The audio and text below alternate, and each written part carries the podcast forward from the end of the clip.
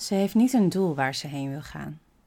Ze heeft dit keer zelfs niet de app op haar telefoon aangezet om bij te houden hoeveel kilometers ze eigenlijk aan het lopen is. Radiostilte. Voetje voor voetje, stap voor stap. Ze loopt langs het oorgat en de burgel, langs de stadsgehoorzaal en merkt dat ze wat draalt zodra ze de nieuwe markt betreedt.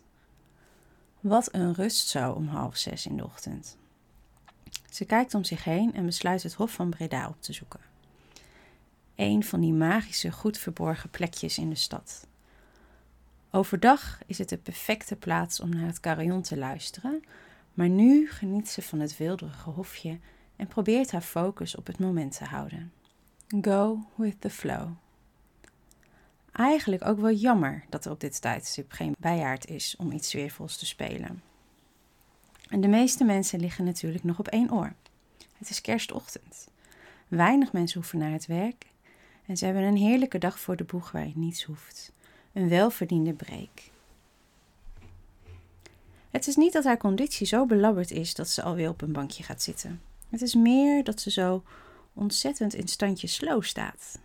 De laatste weken had ze al het gevoel dat ze het allerliefst zich zou terugtrekken in een kokonnetje en daar een flinke poos zou willen vertoeven. Maar ja, er moet ook brood op de plank, kinderen hebben aandacht nodig. En ze heeft toch niet de rust in haar hoofd om er echt van te kunnen genieten. Zo zit ze wat voor zich uit te staren, zonder besef van tijd. Ergens vaag op de achtergrond hoort ze een melodie die haar niet bekend voorkomt. Het duurt eventjes voordat ze doorheeft dat het vanaf de toren komt. En het duurt weer een tijdje voordat ze verbaasd bedenkt dat dat wel een beetje gek is. Een vreemde gloed brengt haar helemaal van de kaart. Hè? Waar komt dat licht vandaan? Het komt van achter het bankje. Ze werpt een blik naar achteren en ziet een gigantische kerstboom staan. Zo'n ouderwetse met kaarsjes en rode strikken en tinnen figuurtjes en een glinsterende piek in de vorm van een schip. Heeft ze nou echt zo zitten suffen dat ze toen ze aankwam die hele spar niet heeft gezien? Valt hij nu pas op omdat er een timer voor de lichtjes is ingesteld?